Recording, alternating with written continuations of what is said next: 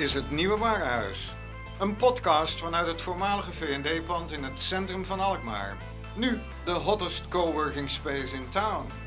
Je hoort hier niet alleen interviews en verhalen van en over ondernemers in het Nieuwe Warenhuis, maar ook gesprekken met andere entrepreneurs, creatieven en bestuurders over zaken in en om de Kaarstad. We sluiten elke aflevering af met de agenda voor de komende week.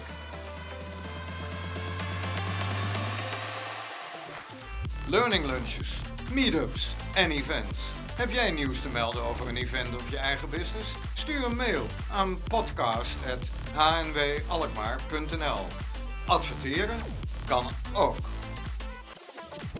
Mijn naam is Flip Schultz. We zijn hier op het Film- en Mediafestival in Alkmaar, editie 2019. En bij ons zit de programmeur van dit hele festival, Chris Fijn. Welkom. Chris, het is de tweede editie al. Met een overvol programma op drie verschillende locaties. In het Filmhuis Alkmaar, in de Hub en in Hal 25. Vertel, hoe is het allemaal zo gekomen? Ja, hoe is het allemaal zo gekomen? Nou, ehm, we zijn eigenlijk ooit met, eh, met het filmhuis en de Kim van het filmhuis en eh, Helen van Artians zaten we te kletsen over, goh, moet, er niet een, moet, moet er niet een keer een filmfestival komen? Ik ben zelf filmmaker, zit in het Nieuwe Warenhuis. Ehm, en zo kwamen we eigenlijk van het een tot het ander. De bibliotheek is er nog bijgekomen als, als partner. En ja, toen zijn we het maar gewoon gaan doen. Destijds, eh, dus dat was in 2017 hè. Oké. En toen hadden we mm, anderhalve maand om hem te programmeren. En toen had, maar toen hadden we alleen als locatie Filmhuis. En het creatorium naast Hal 25, maar dat was een heel kleine plek. Dus we hadden anderhalve maand om dat to- toen te doen. Gekke werk. Ja, dat was gekke werk. Maar het is ook gelukt toen. En we hadden echt een. eh, ja, we hadden, het was heel druk. Het was echt heel populair en heel succesvol. En dat was heel leuk. Ja. Als je zegt druk, kan je een eh, cijfer erbij noemen? Of Ja, we hadden toen eh, ongeveer 500 betalende bezoekers. Dat is voor een klein startend festival in Alkmaar natuurlijk eh, flink. En dan natuurlijk nog duizenden, nee, nou, dat is niet duizenden, sorry. We hadden nog heel veel mensen op de gastenlijst. Want alle betrokkenen komen natuurlijk altijd op een gastenlijst. En blijkbaar was het dus zo succesvol dat je dacht van ik ga dat gekke werk ga ik toch nog eens een keer herhalen en dan meteen drie keer zo groot. Ja, oeps. Want dat is het eigenlijk. En ik zag je twee maanden geleden eh, rondlopen en bij wijze van spreken met je handen in het haar zo van hoe gaan we het allemaal rondbreien. Het is je gelukt. Ja. het is Het is jammer dat er geen camera bij is, want anders zagen jullie, kon- konden jullie er zien stralen. Maar ehm, je hebt het voor elkaar gekregen, Chris Fijn. Ehm, en ik hoor eigenlijk alleen maar om me heen positieve reacties. We spraken net met eh, Robert-Jan Wille, zoals bekend de, de nachtburgemeester. En die zegt, er moet eigenlijk veel meer gebeuren in Alkmaar. Nou, dit is dus een van die dingen die Alkmaar meer op de kaart zet wat betreft culturele gebeurtenissen. Hoeveel mensen heb je hiervoor allemaal moeten charteren? Nou, we hebben een hele eh, leuke club eh, eh, in het projectteam zitten. Dus we hebben, we hebben dit met, nou laten we zeggen, tien mensen hebben we dit op, allemaal voor elkaar gekregen. Dus mensen die gingen programmeren, mensen die de PR hebben gedaan. Jolanda Jansen heeft de PR gedaan, Nina Bakker heeft eh, eh, meegeprogrammeerd. We hebben Miranda Kruijer, die heeft voor de aankleding gezorgd. Jullie zien, ja, dat kunnen de, de luisteraars natuurlijk niet zien, maar er zijn buiten allemaal installaties geplaatst met tv's. En, eh, Volgend jaar moet u hier dus absoluut bij zijn, hè? want eh, u moet dit meemaken. ja, Ja, Ja, want ja. eh, ja, ik onderbrak je. Nee, ja, het is, het, het is, het is gewoon een heel eh, leuk team heeft hier aan meegewerkt. Met allemaal heel hardwerkende mensen die echt allemaal hetzelfde wilden. En ik neem aan dat je nu wat langer de tijd hebt genomen Ja. daarvoor. Ja, ja we hebben, we hebben, het heeft allemaal wat langer gespeeld. En toch ga je dan op het laatste moment nog allemaal dingen zitten doen. En wordt het, naarmate het, het, eh, de tijd eh, voorbij gaat, steeds drukker en drukker, maar goed. Dat, ik mag, ik, mag ik heel even aanhaken bij wat Robert-Jan zei? Want ik, dat is eigenlijk exact de reden waarom ik dit ook, ook wil doen. Ik ben eigenlijk filmmaker, ik heb een videobedrijf, ik, ik organiseer helemaal geen festivals. dus, ik heb ook helemaal niet zoveel ervaring mee, ik vind het wel heel leuk. En, maar de reden dat ik dit ben gaan doen is precies om die reden. Dat ik eigenlijk ook wil dat uh, maar wat meer op de kaart wordt gezet. En uh, ik was daar nooit zo mee bezig. Ik was altijd uh, in Hilversum aan het werk of in Amsterdam. En daar had ik mijn kantoor. En ik, en ik, werkte veel voor de VPRO als freelancer. En ik, ja, ik woonde alleen maar in Alkmaar. Dat was het eigenlijk.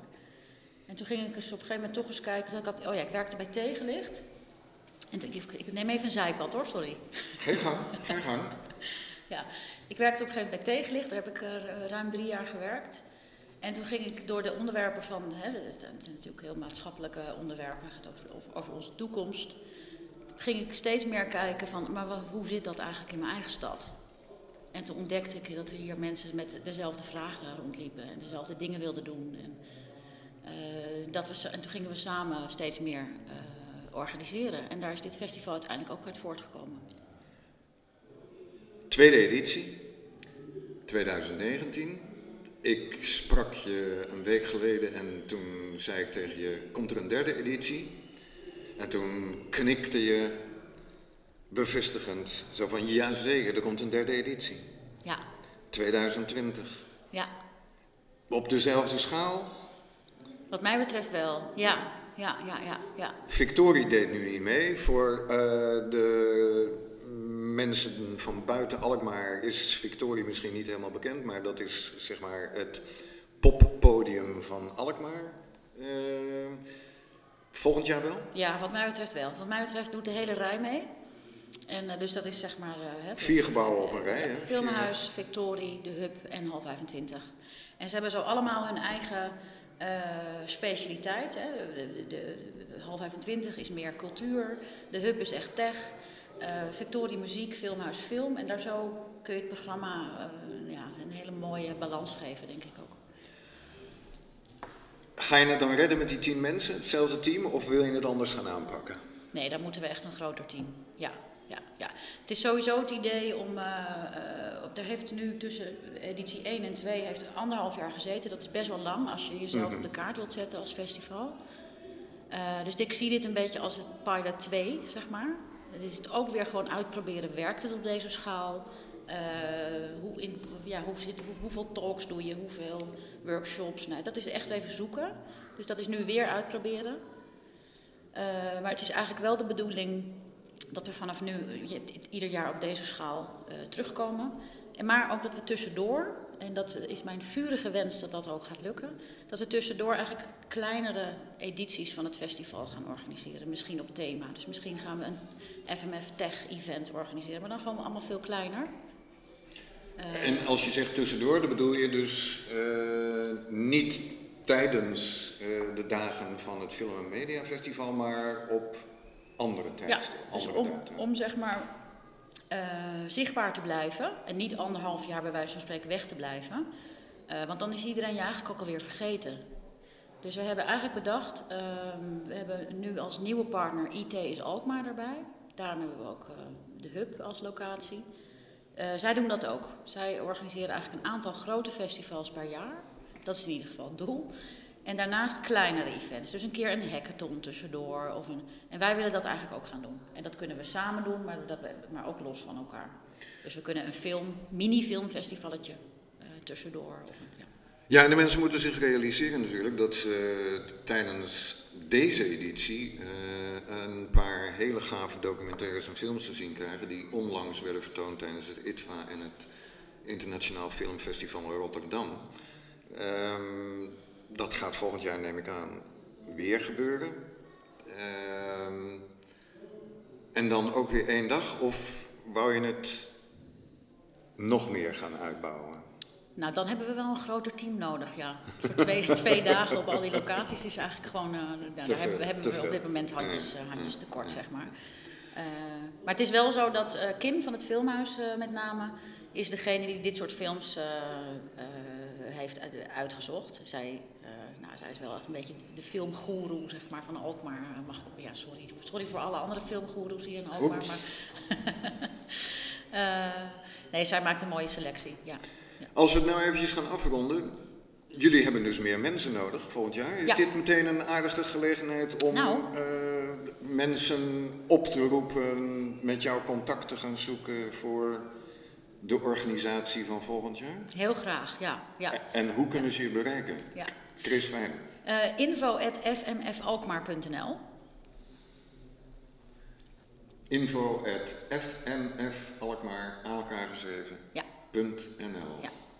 ja. En uh, als je het leuk vindt om mee te organiseren aan een nieuw festival in Alkmaar, dat potentie heeft. We willen onszelf eigenlijk gaan uh, noemen uh, het festival, het film- en mediafestival boven het ei.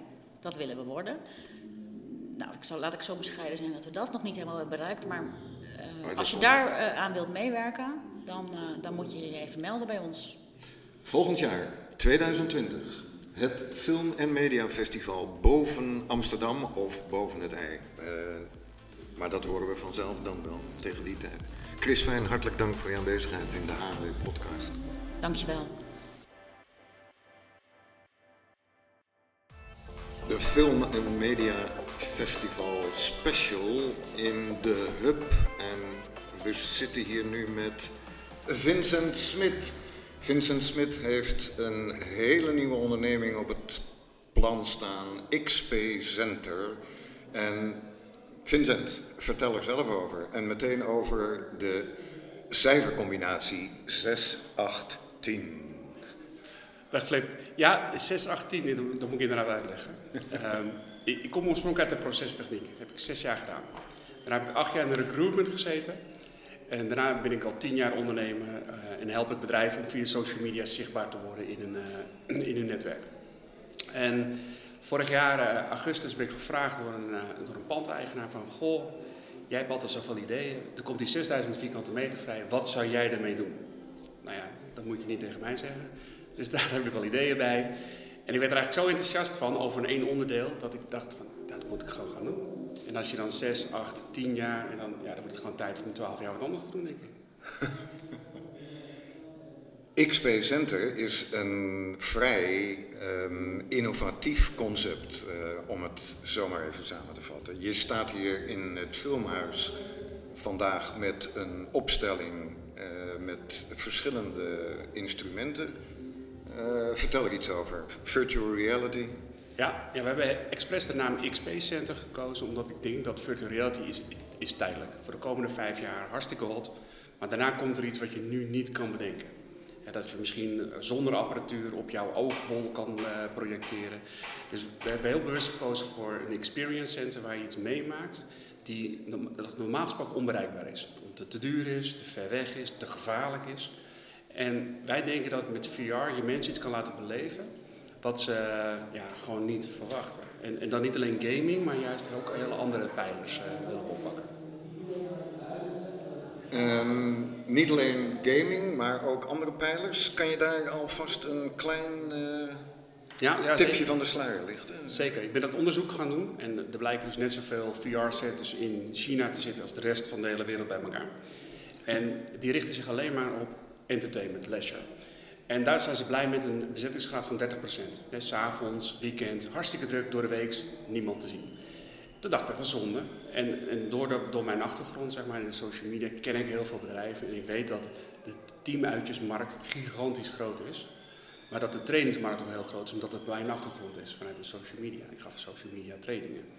En toen ben ik eens wat partijen gaan benaderen. Stel nou dat we bijvoorbeeld een BHV-training, een veiligheidstraining in VR gaan geven. Dat je dus gewoon daadwerkelijk ziet dat de prullenbak in de brand staat, je collega op de grond ligt. Ja, wat doe je dan?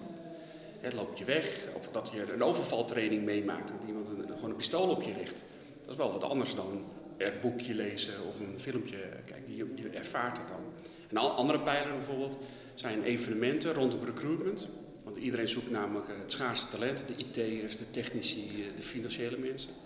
En door grote evenementen te organiseren zijn bedrijven als een Tata Steel en een Engie zijn, zijn razend enthousiast. Ja, als jij zeg maar wel in beeld kan bij techneuten, ja, willen wij dat wel heel graag gaan, uh, gaan ondersteunen.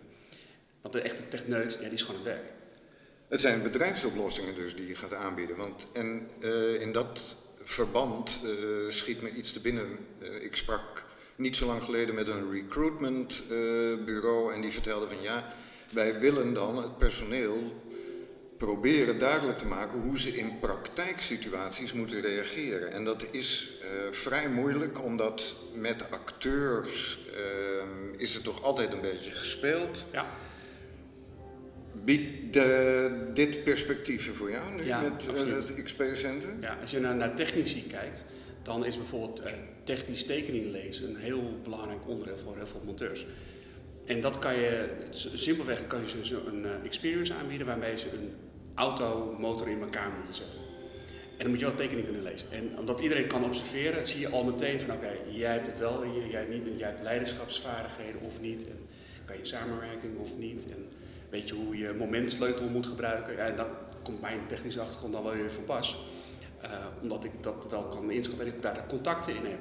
Ik heb acht jaar technici bemiddeld bij, nou, noem eens een bedrijf. Dus, dus dat gaan we allemaal naar ons toe halen, absoluut. Ehm, nu sta je hier met een opstelling die eh, een idee geeft van eh, hoe het in elkaar zit. Ja. Ehm, Eigenlijk de helft, moet ik zeggen. We, we, we hebben het virtuele gedeelte hebben we geregeld. We hebben de allersnelste processor die er is op de markt. We hebben de allerbeste headset die er is. Ehm, maar dat is eigenlijk alleen maar het visuele gedeelte. Dus wat je ziet is gewoon, nou, leven is echt, helemaal te gek. Maar je mist eigenlijk het feedback in beweging. Dus wat we gaan doen, we gaan combinaties maken tussen eh, zeg maar het visuele experience en een motion. Dus dat je ook feedback krijgt, dat je ergens in zit. Om een voorbeeld te geven, we zijn nu een, een motorjet aan het bouwen. En dat is gewoon een oude schademotor, die ligt op de schroot. Dat vinden we zonde, die halen we naar ons toe. Die, die trekken we uit elkaar. Daar hebben we allemaal studenten van de TU Delft, die vinden dat geweldig. Dat zijn makers, die willen dingen bouwen, construeren. En die maken dan nu een, een soort turbine eronder en we maken het geheel maken beweegbaar. Aan de andere kant bestaan er al games waarin je kunt racen. Nou, dat moet dus alleen nog maar samen worden gebracht. En, en dat zijn de driehoekjes die wij creëren. Hè. Mensen willen iets, mensen kunnen iets en wij zorgen ervoor dat het er ook echt komt. XP Center gaat wanneer van start? Ja, we mikken op 1 april. Maar er moet heel veel gebeuren. Kijk, we zijn natuurlijk afhankelijk. Ja, er moet een interne lift komen. De hele vloer moest eruit. Het is Een enorme computervloer. Het is een oud KPN-gebouw. Dus ja, al die koelsystemen moeten er nog uit. En, maar ik mik steeds altijd eh, o- eh, te vroeg. En ik kan goed omgaan met teleurstellingen. Dat gaat dan gebeuren in het eh, gebouw van de telefooncentrale. Klopt. Ehm, aan de Koelmalaan in Alkmaar. Als mensen nou op zoek willen gaan naar eh, XP Center online, dan kunnen ze je vinden. Ja, door daarnaar te googlen. Gewoon eh, xpcenter.nl vind je onze website. En eh, we, we, ja, we stimuleren richting. Meld je aan voor de nieuwsbrief. Dan krijg je natuurlijk sowieso een gigantische gave aanbieding. Als we straks open gaan. Maar dan vertellen we ook waar we mee bezig zijn. En dat brengt anderen weer op ideeën van. Oh, maar ik heb ook een neefje of, of een, iemand die, die nu thuis zit en die kan helpen. Wij staan open voor suggesties. Vincent Smit van XP Center, dankjewel voor je aanwezigheid in de podcast van ANW.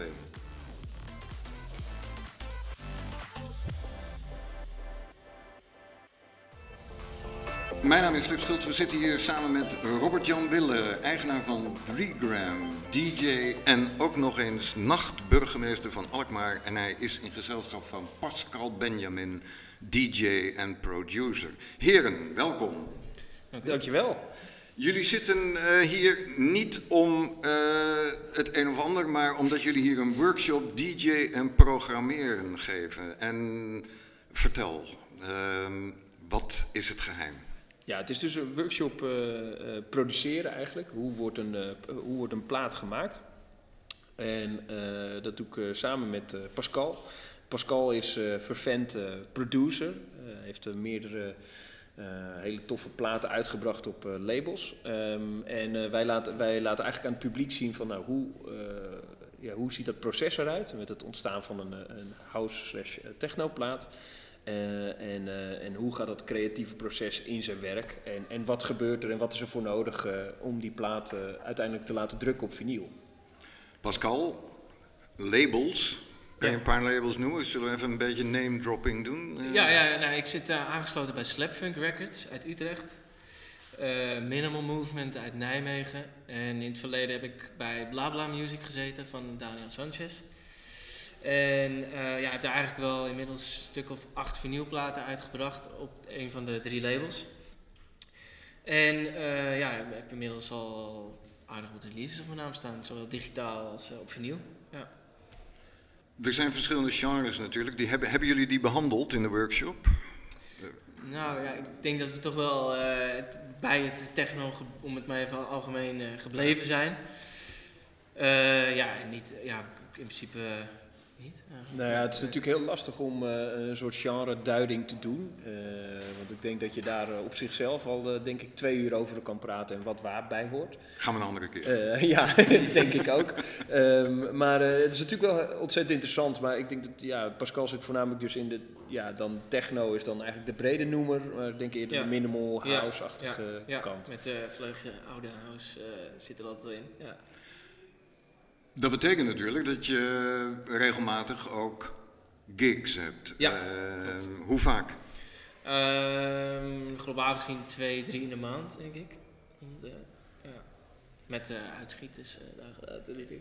In, in binnen- en buitenland, toch? Ja, ja, klopt. Ik ga eind maart of halverwege maart ga ik naar Leeds in Engeland en ook nog naar Manchester. En in juli ga ik naar Brazilië. Dan ga ik een week uh, toeren daar. Tenminste, ja, ook een aantal gigs daar. Dus dat is wel heel erg leuk. Dus het, dat is uh, oh. wat betreft de buitenland, ja.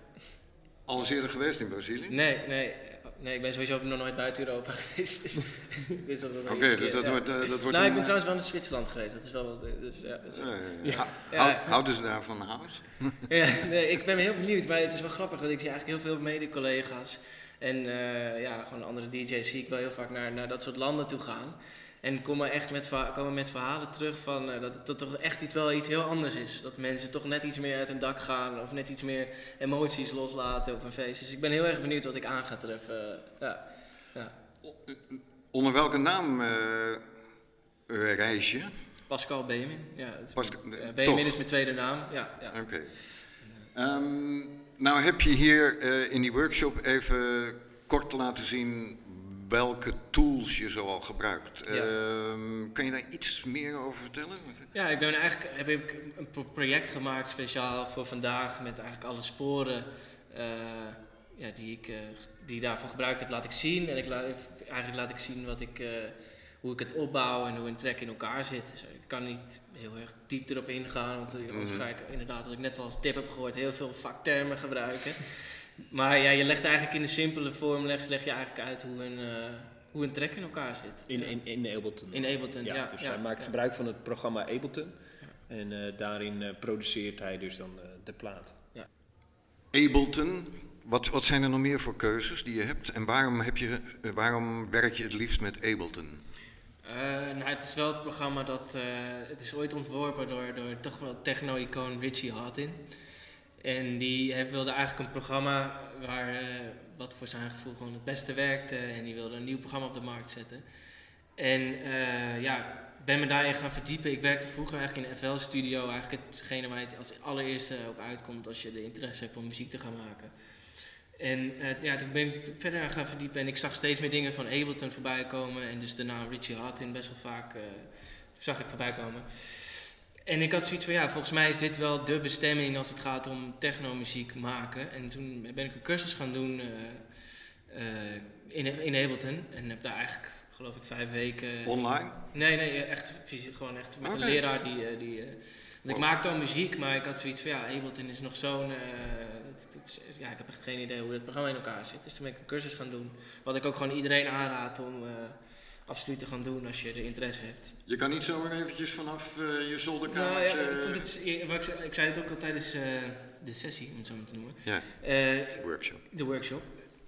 Ja, je, je, je kan eigenlijk direct aan een, aan een leraar vragen van... joh, hoe zit het nou eigenlijk? En je kan wel op tutorials gaan kijken... maar halverwege ben je acht keer aan het terugspoelen... omdat je het alweer kwijt bent. Exact.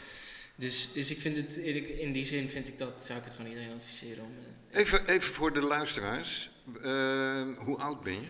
22. 22. Ja. En hoe lang ben je hier nu al mee bezig? Uh, zeven jaar. Ja. Wow. Ja. Dus op je... in, noem het maar even de, de serieuze zin, eigenlijk ben ik wel wat langer bezig. ja. Oké. Ja. Begon op je twaalfde of zo? Ja, ja. Ja samen met mijn broer. Ja, het is wel, eh, die is hier ook aanwezig voor de luisteraars. Ja, jongens, de volgende keer zetten we hier een eh camera Ja, neer. Ehm, Oké, dus al, met, nou ja, zeg maar eh, tien jaar ben je, ben je met het vak bezig. Ja. Ehm, hoe heb je Robert-Jan leren kennen? Eh, nou ja, via kunstbenden. Dat is eigenlijk ook echt iets wat ik... Eigenlijk als je DJ bent, een hele jongen, zou ik dat absoluut aanraden om daar mee te doen. Want het heeft mij iets eh, heel moois opgeleverd. Eh deed daar mee en, en Rob- ja, ik denk dat ik Robert Jan een beetje opviel wat voor sound ik draaide. Ik denk dat hij heel veel ja, muziek hoorde dat toch niet helemaal in eh, zijn keuze lag. En toen eh, kwam ik ineens en eh, ja, vond hij, vond het wel echt heel erg vet wat ik deed. Voor denk ik mijn leeftijd, wat ook mee speelde en dat draaide. En ja, hebben, sindsdien heeft hij me toen een, een gig aangeboden, om het zo, maar te zeggen. En ja, zijn we in contact gebleven en heb ik mijn allereerste boeking eigenlijk bij Robert Jan eh, gehad. Robert-Jan, als eh, nachtburgemeester, hoe staat het met het nachtleven in Alkmaar? Dan gaan we langzamerhand afsluiten. jongens. Ja, nou dat kan een stuk beter. Daar, daar kunnen we dan ook weer twee uur over praten. Ja. nou ja, kijk, we hebben Oké, natuurlijk... we gaan eh, ook nog eens een eh, special over het nachtleven in Alkmaar doen. Ja, nou ja, kijk, we hebben een prachtige stad en er zijn een aantal hele toffe verbeteringen, waaronder de 24-uursvergunning, waar ik ontzettend blij mee ben, want dat is wel iets waar je een stad mee op de kaart zet. Eh, maar ik geloof dat er nog ze- ontzettend veel moet gebeuren om Alkmaar ook die eh, regionale functie te geven. Want Alkmaar moet die regionale functie ook claimen, vind ik. Wij moeten gewoon de uitgaansstad van de kop van Noord-Holland worden. Eh, maar dat zijn wij nog niet. Ehm, er, er is gewoon, het aanbod is er niet. En dat aanbod is afhankelijk van de vraag. En er is ook gewoon nog niet genoeg vraag. Dus ja, daar moet, daar moet wat gebeuren. Luisteraars, jullie moeten veel meer vragen naar Ja, gave ja, ja. gigs en evenementen. Ja, Dat en bereid zijn te betalen. Dat is ook belangrijk. Eh, met gratis feestjes eh, steun je weinig. We gaan eh, het afronden. Ehm, dit Film- en Mediafestival is natuurlijk al een aardige stap in de goede richting. Zeker. Nou, dit is eh, naar mijn mening echt een ontzettend mooi eh, project, eh, wat heel veel potentie heeft ook. Het is natuurlijk al een geweldig festival, maar ja, als dit doorbouwt, dan zou het echt een heel groot festival in Nederland kunnen worden. En ik denk dat dat voor een stad als Alkmaar, die heel techy is, steeds techier wordt, dus met steeds meer eh, mediabedrijven ook. We zitten hier in de hub. Ja, Toevallig. een van de grotere eh, techbedrijven in eh, Alkmaar. Ja, dat is natuurlijk prachtig als je je op die manier kan profileren als stad. En dan eh, zien we volgend jaar waarschijnlijk Pascal, Pascal Benjamin terug. En dan is hij waarschijnlijk eh, de hoofdact s'avonds. En dan zullen de mensen daar toch wat voor moeten betalen. Mag ik jullie Ja. Hartelijk danken, jongens. Eh, Robert-Jan Wille, Pascal Benjamin. En eh, succes met eh, je trip eh, naar het buitenland. Dankjewel. Dankjewel. Dankjewel. Film en Media Festival in Alkmaar. En we zitten hier samen met Bas Broertjes en Sam Jasdan Panna. En beide heren hebben het Vergeten Helden project opgezet. Welkom Sam en Bas. Dank, zeker. Vergeten Helden. Vertel. Ja, eh, nou, het is eigenlijk begonnen dat eh, Sam naar mij toe kwam eh, met een idee voor een project om workshop, animatieworkshops te organiseren voor jongeren in, in AZC's. En, en daar, eh, nou, daar zijn we toen eigenlijk eh, mee aan de slag gegaan. En eh, ja, ik, Sam kan iets meer vertellen over waar het voor hem, nou, waar dat vandaan kwam. Want het heeft heel erg met zijn, zijn eigen achtergrond te maken. Dus het is misschien wel leuk om daar even iets over te zeggen. Ja, zeker. Ehm, ja, ik ben twee jaar geleden naar Bas gegaan met het idee dat ik heel graag voor de jongeren binnen de ATC's eh, wat animatie ehm, en verhaalvertelling workshops wilde organiseren om de jongeren in de ATC's te kunnen hun verhalen naar buiten brengen. En dat reden kwam door, eh, door de verleden van mijzelf als eh, jonge asielzoeker op 17-jarige leeftijd ben ik naar Nederland gekomen. Alleenstaand en toen de tijd was niet zo heel veel mogelijkheden om verhalen of activiteiten te doen op het ATC's. Eh, behalve wat eh, ja, meer kinderrechten en dat soort, eh, dat soort zaken die heel veel op de AZC zich afspeelden. En ehm, daarna ben ik natuurlijk ehm, na al de asielprocedures ben ik uiteindelijk in Nederland een plek gevonden en ik ben zelf filmmaker geworden, Rietveld Academie gedaan aan de Filmacademie.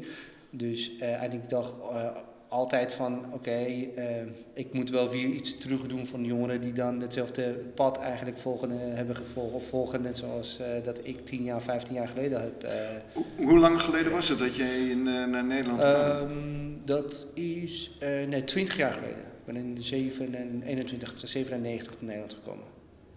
En het is natuurlijk niet vanzelfsprekend voor een jongen die op 17-jarige leeftijd vanuit welk land? Iran.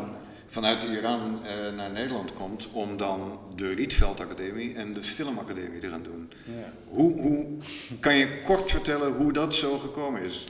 ja, dat zit eigenlijk. eh, ik ben uit een artistiek familie gekomen, dus eh, ik denk dat het natuurlijk de opvoeding en, en mijn vader was schrijver in Iran, vrij, vrij bekende schrijver ook.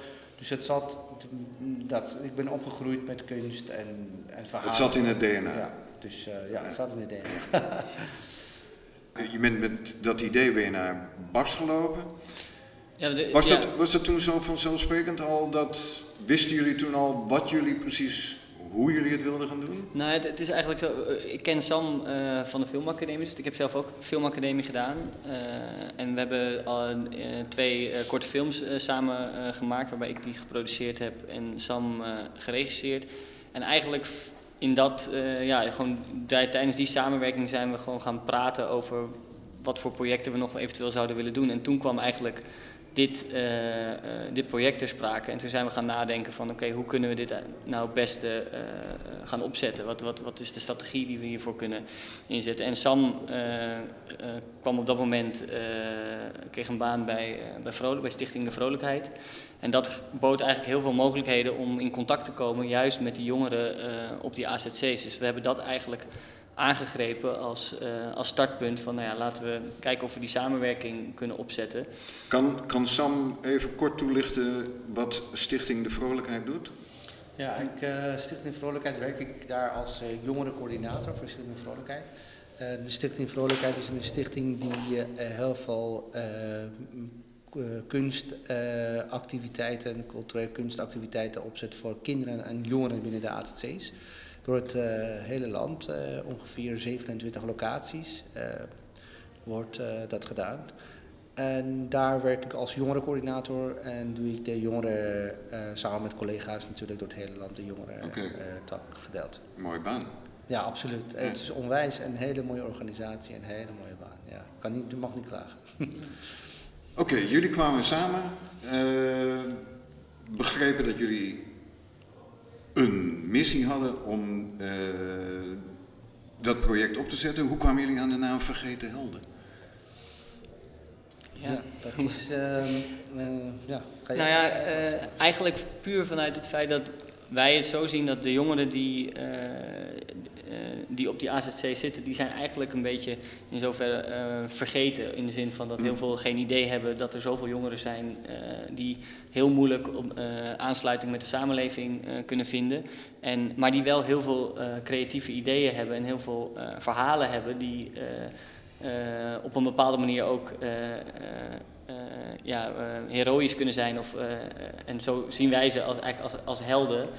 Eh, dus eh, het is ook een beetje natuurlijk om het, eh, ja, op die manier wat, eh, hun eigenlijk een podium te geven. Van, van nou ja, weet je, zij, zij, hebben, zij hebben ook ideeën die eigenlijk niet vaak eh, naar buiten kunnen komen. En dat, eh, dus vandaar is dat we de, eh, titel hebben gegeven Vergeten, Vergeten Helden. Zo van, eh, let op jongens, er zijn, eh, ja, er zijn nog heel veel verhalen die niet, eh, die niet verteld eh, zijn.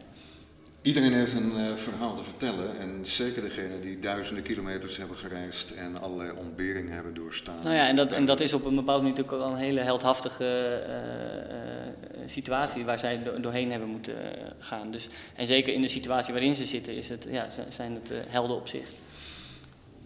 De vormgeving waarover over we nu spreken, kunnen jullie daar iets meer over vertellen? Hoe zijn jullie het gaan vormgeven? Ehm, die verhalen die die jongeren hebben, en over hoeveel verhalen hebben we het dan? Ehm, Ja, nee, eigenlijk het uitgangspunt was vrij snel dat we uh, juist heel erg uh, één op één begeleiding wilden, okay. wilden geven. Dus dat we ze de mogelijkheid wilden geven dat ze echt met één, en dat noemen wij dan co-creator. Dus zij zijn zelf de creators en, we, en ze krijgen eigenlijk een co-creator, een, een, professionele begeleider toegewezen die met hun het verhaal eigenlijk gaat vormgeven en invullen. Dus zij bedenken, maar ze zijn helemaal vrij om zelf te bedenken wat ze, wat ze willen. Alleen we hebben natuurlijk wel de beperking van, nou ja, het zijn vier dagen waarin ze, we de workshops organiseren. Dus ze hebben vier dagen tijd om het filmpje te maken. Nou, daar, dat, dus dat is de beperking. Maar uh, en de technieken moeten natuurlijk zodanig zijn dat het in die vier dagen te doen is. Maar voor de rest staan ze eigenlijk helemaal vrij om hun eigen uh, ideeën en invulling daaraan te geven. En, uh, en dat, is een beetje, dat is eigenlijk de vorm waarin we het hebben, hebben gegoten. En je merkt echt dat, juist om het op die manier te doen, dat, dat, je, dat, ze echt, dat zij het ook echt zien als hun filmpje. En dat het niet zomaar iets is dat ze, ze gaan er echt voor, ja, ze willen er helemaal voor gaan. En dat, nou, dat is precies wat we naar, waar we naar op zoek waren. Je ziet dat er bij hun iets uh, wakker wordt gemaakt. Of dat, en dat ze een bepaald talent opeens bij zichzelf ontdekken. wat ze misschien nog helemaal niet wisten. Uh, dat het er überhaupt was. Nou ja, dat, dat is natuurlijk heel gaaf om, om te zien. En dat hebben we ook natuurlijk ook gezien bij de. Er komt ook heel veel ook, expertise vanuit de vrolijkheid. Omdat ook daar. Um, er wordt heel veel gewerkt vanuit de kracht van de jongeren zelf. Dus niet vanuit iets van vanaf bovenaf komt, maar je moet uh, dat is heel erg de jongeren lied geven om zelf echt vanuit hun eigen kracht verhalen vertellen. En dan uh, sta je veel meer dicht bij de echtheid, maar ook uh, ja, wat de jongeren zelf graag willen doen. Als we het over de technieken hebben, stop-motion animatie of flipbook maken, dat zijn de workshops die jullie hier aanbieden. Um, hoe vatten ze dat op? Uh, de jongeren waar jullie mee gewerkt hebben in dat project Vergeten Helden? Uh, het, het, het werken met die technieken, vinden ze... Nou ja, je, je merkt heel erg dat uh, zodra ze echt zelf dingen kunnen doen, dus met name met uh, bijvoorbeeld stop motion, als ze echt zelf figuurtjes kunnen uitknippen, tekeningetjes maken en dat vervolgens gaan animeren, dat werkt heel goed, omdat ze dan echt zelf bezig zijn en zelf zien wat het resultaat daar, daarvan is. Ja. Als je te veel met computertechnieken moet gaan werken die ja, veel meer skills uh, vereisen, dan merk je dat het voor hun, ja, dan wordt het passiever voor, en dan uh, haken ze eerder af. Dus daarom dat we heel erg op zoek zijn naar, om, om technieken te gebruiken die makkelijk voor hun te, uh, ja, te, te, gebruiken zijn. en dan, ja, dat, dat, dat is een beetje uh, wat we nu verder, steeds verder doorvoeren. Uh, het is ook een uh, creatief proces natuurlijk, die je dan met knippen plakken, maar ook verhaal. Dus dat je, je het mooiste is dat niet alle jongeren hebben wel eens iets met stop motion gedaan of met überhaupt soms ook met kunst. Maar dat is een heel mooie manier dat bij stop motion komt heel veel disciplines al. Dus je kan tekenen tot hè, digitaliseren. dus je wordt ook in zo'n hele mooie creatief breed pro proces gezet waar je dan veel kan eruit halen en experimenteren mee. Hoeveel van die, um, ja, je zou bijna kunnen zeggen, het zijn um, testimonials. Hè?